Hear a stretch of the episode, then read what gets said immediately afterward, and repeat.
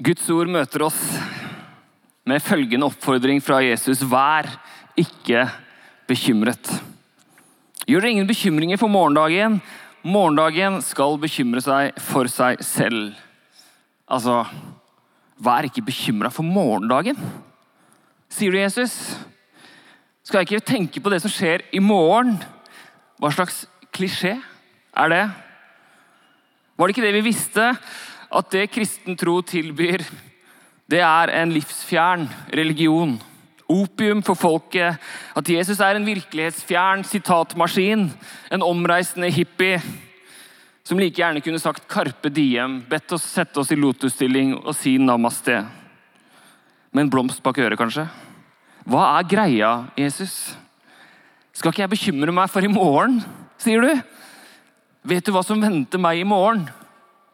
Vet du hva som venter oss i morgen?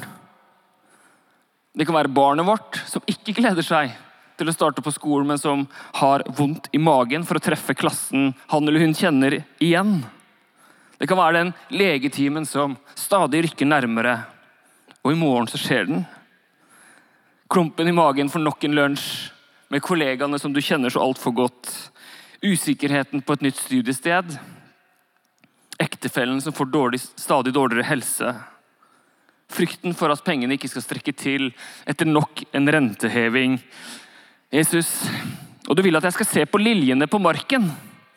Men news alert! De brenner opp om dagen. Og fuglene på himmelen, ja, de er der fortsatt, men det er mange færre av de. Det skjer bare så gradvis at vi nesten ikke legger merke til det. Skal vi ikke bekymre oss, sier du, Jesus. Hva er det Jesus sier i denne teksten som vi har fått hørt lest? I denne delen av bergprekenen i Matteus kapittel 6. Som kanskje ved første gjennomlytting kan trigge denne responsen jeg akkurat ga. For det er ikke til å komme unna at Jesus her kan framstå ganske lettvint. Han framstår litt som den vennen som, eller kollegaen eller tanta som kommer med et altfor enkelt råd om en virkelighet som du kjenner altfor godt, og som er mye tyngre og kompleks enn det det kan se ut som. Og Så sier hun bare ja, men bare slapp av, det går bra, det ordner seg, det der. Og så bare sånn Ok, seriøst. You're right. Det må være noe annet Jesus vil med denne teksten. Eller denne talen. Og det er noe annet Jesus vil oss, men hva er det? Jeg vil først snakke om to ting. Om bekymring, og så vil jeg snakke om penger. Før jeg skal si noe om hva jeg tror Jesus ikke sier i denne teksten. Før jeg til slutt skal si noe om hva jeg tror han sier. Når han sier 'søk først Guds rike'. Men først vil jeg si noe om bekymring. Som sagt så tenker jeg at Jesus i denne teksten kan framstå litt naiv, litt lettvint. Vær ikke bekymret. Hvordan skal vi klare å ikke bekymre oss? Hva er de beste rådene mot bekymring? Jo, hør her. Det kan jeg ikke så mye om, rett og slett. Så jeg måtte google hvordan takle bekymring. Og Da dukket det opp flere gode råd som jeg ikke tenker å gi dere her og nå, men dere kan google selv. Det var mange fornuftige ting som kom opp ganske tidlig. Psykologisk.no og diverse som gir gode råd til hvordan man skal takle bekymring. Jeg skal ikke gi alle de nå, men noe jeg ble bevisst på, er jo at bekymring er de tankene som surrer, som ikke vi får gjort noe med, eller hvor ikke det hjelper å gjøre noe. For hvis man kunne gjort noe, tatt den telefonen, ringt eh, eller løst det, eh, investert penger eller fiksa det eller tatt kontakt med noen, ja, men da hadde det jo ikke nødvendigvis vært en bekymring, for da er det bare et problem som man gjør et tiltak for, og så løser det seg. Bekymring er jo disse tankene, denne tyngden som vi kjenner for alle de tingene vi ikke har kontroll over, eller som ikke vi kan gjøre noe med. Knyttet til situasjoner eller problemer utenfor vår kontroll. Bekymring er lite konstruktivt, ofte kan ta stor plass. Og hvis man har det sånn, hvis du har det sånn nå, at du kommer hit i dag med litt tunge skritt og kjenner ah, jeg er bekymra, altså. Så kan jo oppfordringen 'vær ikke bekymret' høres ut som et sånn umulig prosjekt. Og som nok en tyngde. Ikke bare bekymrer du deg, men nå bekymrer du deg også for at ikke du klarer å la være å bekymre deg. Bekymre deg. Altså, det er bare en, Gud bare legger på deg enda en belastning. Noen ganger er det absolutt på sin plass å kjenne på redsel eller frykt. Om du står foran en svær, sinna elg, så er det ikke riktig å si 'vær ikke bekymret'. Men om du går rundt og er kontinuerlig redd for å møte sinna elger, så er jo det ganske begrensende og heller ikke så veldig realistisk. Og vi må jo i alle våre liv gjøre ulike risikoanalyser. Vurdere frykt opp mot potensialet osv. Trygghet opp mot hva som, er, altså hva som er sikkert eller hva som er farlig. Og alle vi som er foreldre, og alle det store toget som gikk ut akkurat her nå, vi må jo vurdere ja, når er det barna våre skal begynne å utsette seg for farer og risiko. Hvor går grensa? Når skal vi bekymre oss? Når er det en reell fare? Og så. For vår del, 11 og 13 om dagen, så er det liksom okay, når, Hvor stor omkrets skal barna nå ha utenfor huset, skolen? Hvor langt kan de ta T-banen? Kan de ta den aleine? Eh, og så videre. Eh, og der kan kanskje jeg være litt sånn ja, eller reise kollektivt, og hvor, langt, hvor, hvor, lenge kan de være ute til eh, når det blir mørkt? og Hvor langt unna huset kan de være når de må selv komme seg hjem? Og, så videre, og, så videre. og Der tenker jo foreldre ulikt. ikke sant? Og Vi har også ulike personligheter og tilbøyeligheter til å bekymre oss. Og Jeg kan nok noen ganger være ganske naiv, litt optimistisk. Det går bra. Det er ikke så farlig. Han blir ikke rana. Kjære tid, hvor ofte leser du egentlig at det skjer? Mens i møte med kona, som faktisk har fått en kniv mot halsen i denne byen, så hjelper ikke mine liksom ja, men ikke vær bekymra for barna. Det går bra. Det er fordi Hun har jo reelt erfart at det her er en potensiell trussel. Så denne balansen mellom vær ikke bekymret og samtidig ta reelle risikoer på alvor, er jo en sånn kontinuerlig balansegang. Men Jeg skal ikke gå for mye inn i psykologien her, men teologien. Det virker som at Jesus i evangeliene modellerer et ganske bekymringsfritt, fritt, bekymringsfritt liv. At med en dyp tillit til Gud, som en god far, som elsker oss, så er det bekymringsfrie livet innen rekkevidde. I alle fall et liv med mindre bekymring at Jesus ønsker å lede oss til det bekymringsløse, glade og frie livet. Og Jeg sier ikke det som en sånn lettvint quick fix. Det er Guds rike, det er allerede, men ennå ikke, osv. Men en gang i menneskets historie så levde vi det livet. Søk først Guds rike, sier, vi, sier Jesus her. Men en gang så var vi jo i Guds rike, i hagen. Da trengte vi ikke å søke Guds rike, for vi levde i det. Alle relasjoner var gode. Vi levde i tråd med og i, i fellesskap med liljen og blomstene og våre omgivelser og med vår Gud.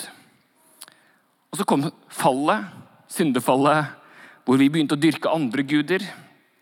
Som kan være egne krefter og penger og nytelser. Og så økte bekymringen. Jo mer vi strevde for å sikre oss, jo mer bekymret. Det fins et liv i frihet, i glede, liv.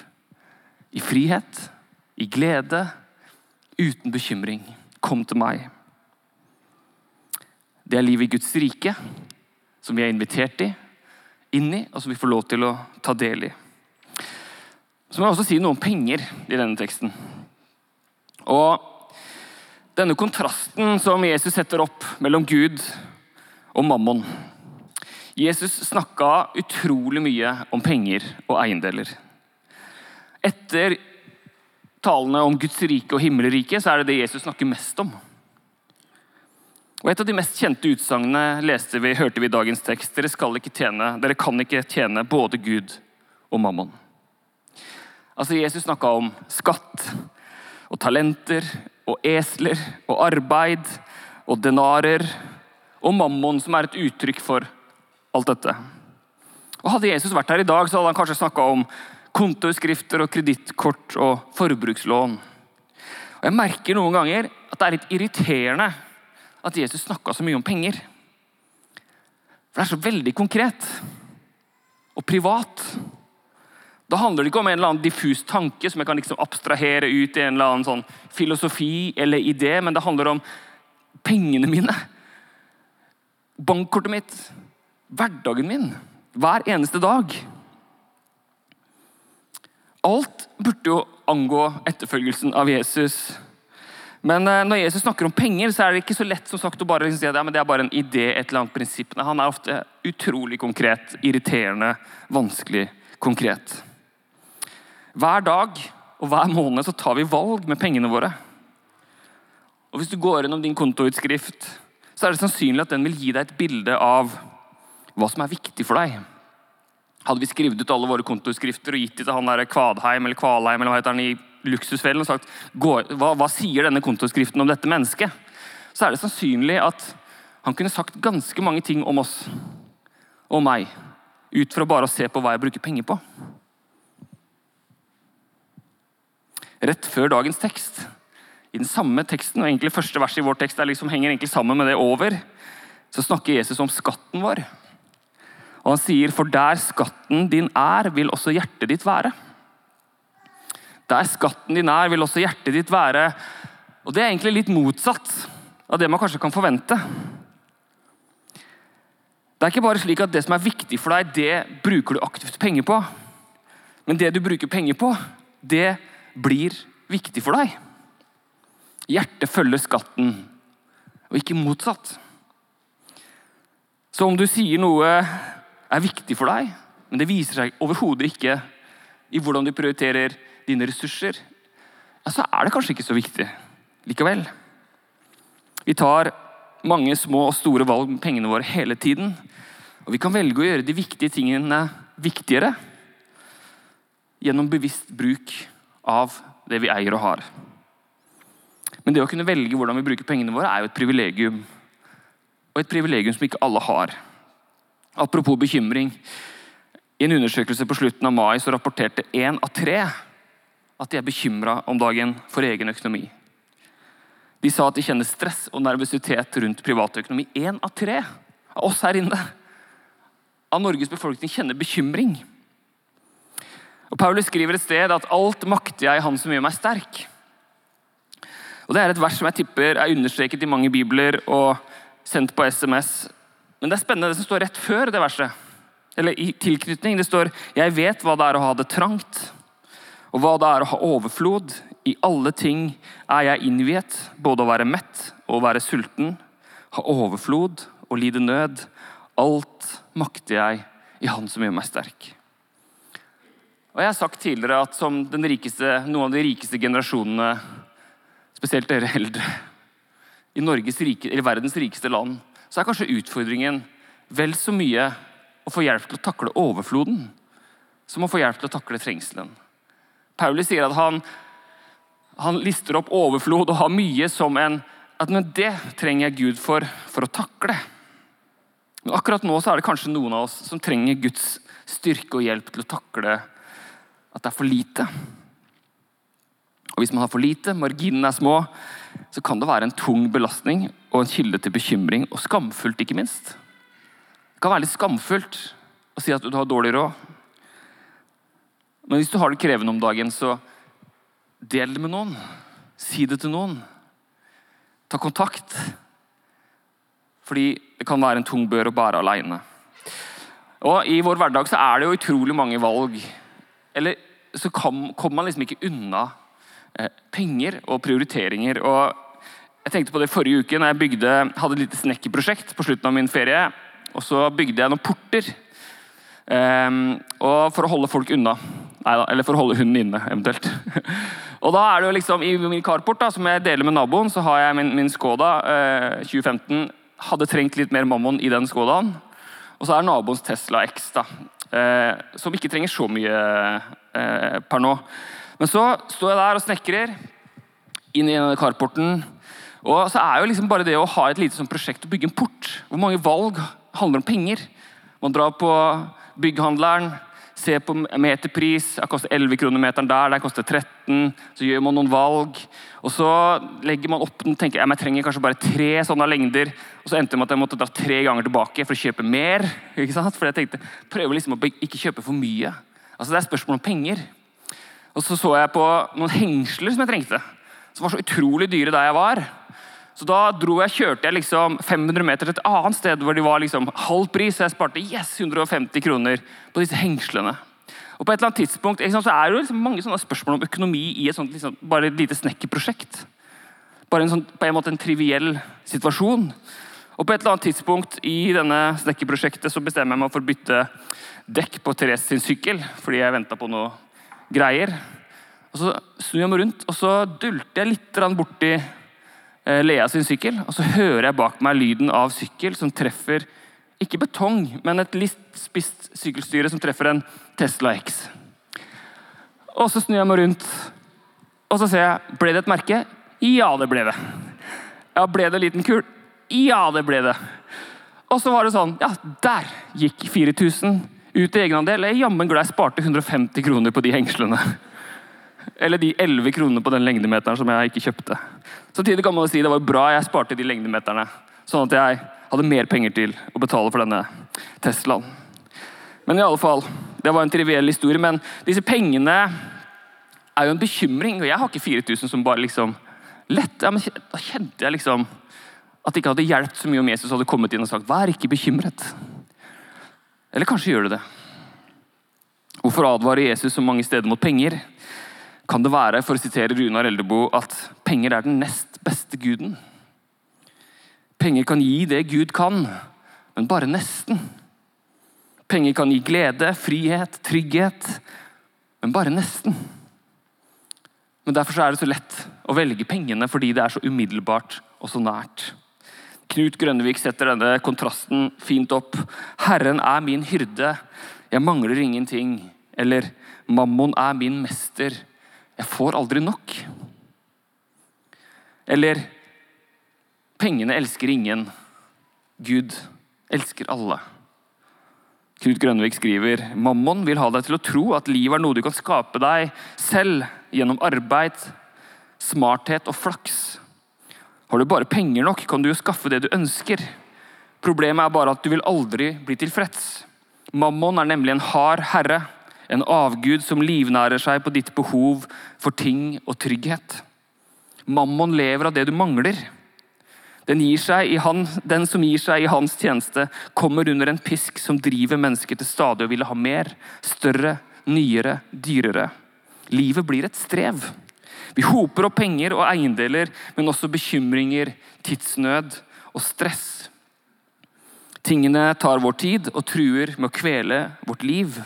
Rikdommens bekymringer kan ikke forlenge livet en eneste alen. Kanskje er det snarere tvert imot. For selv om det går an å elske penger, vil kjærligheten aldri bli gjengjeldt. Herren er min hyrde, jeg mangler ingenting. Eller mammon er min mester, jeg får aldri nok. Pengene elsker ingen, eller Gud elsker alle.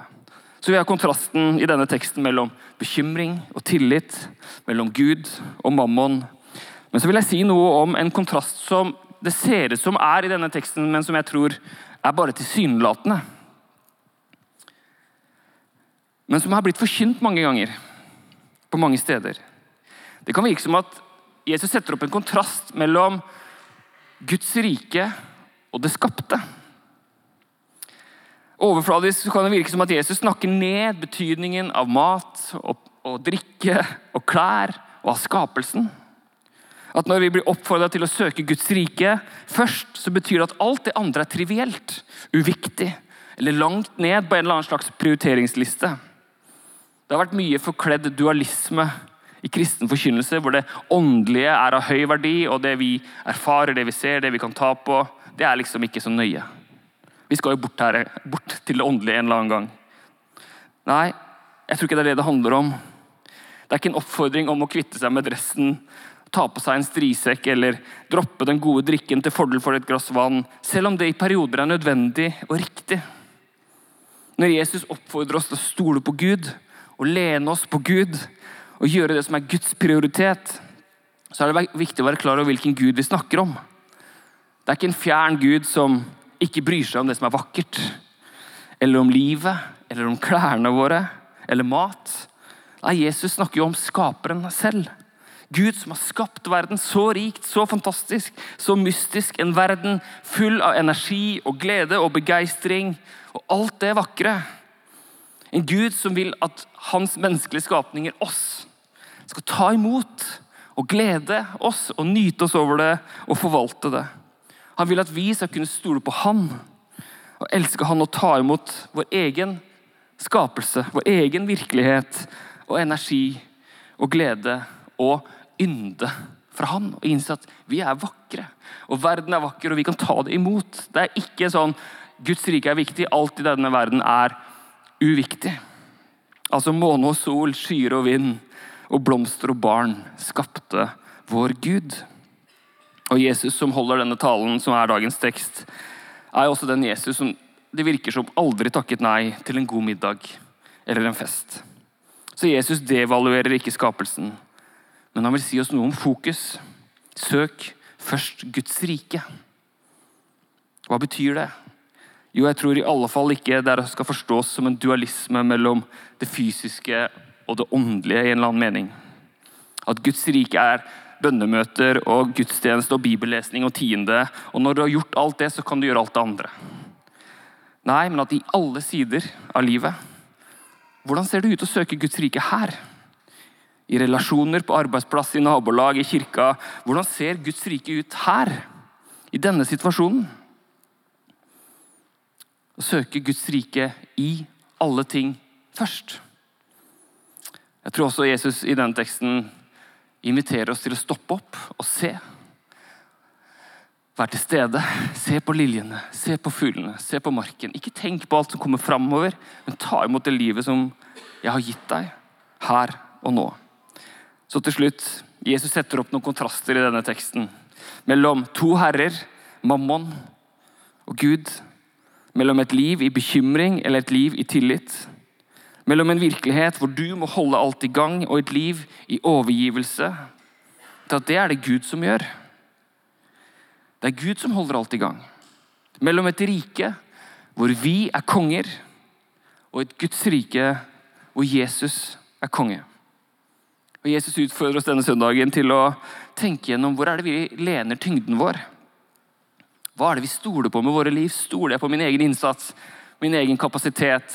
Er det jeg selv som holder alt i gang, eller stoler jeg på at Gud er en god far som elsker meg, og som har en dyp omsorg for meg? Det er lett å tro at alt er opp til oss, men det er opp til Gud. Vi kan leve på illusjonen om at vi har kontroll. At med vår innsats og talent så har vi alt vi trenger. Vi er våre egne skapere. Men Jesus vil gi oss tro på at vi har allerede en skaper. En som elsker oss, og som ber oss om å nøye se på fugler og blomster og liljer og gress for å forstå den omsorgen og den kjærligheten som han har for oss. Søk først Guds rike. Og innse at det er ikke du som holder alt i gang. Det er Gud. I alle ting, søk Guds rike først. Og Så står det noe om hans rettferdighet. Og Det er et rikt ord som jeg ikke skal gå inn på her nå, og Vi kan fort tenke at det handler bare om frelse. Søk Guds rike og hans frelse, at vi er frelst, at det er en slags erfaring eller en kognitiv tanke. Men jeg tror også det handler om et liv i etterfølgelse av Jesus. Og hva var det Jesus brydde seg om? Jo, Han brydde bekymra seg ikke for seg selv, men han ga seg selv for sin neste. Så søk først Guds rike. Ja, hva kan jeg gjøre for deg? er det neste spørsmålet å stille.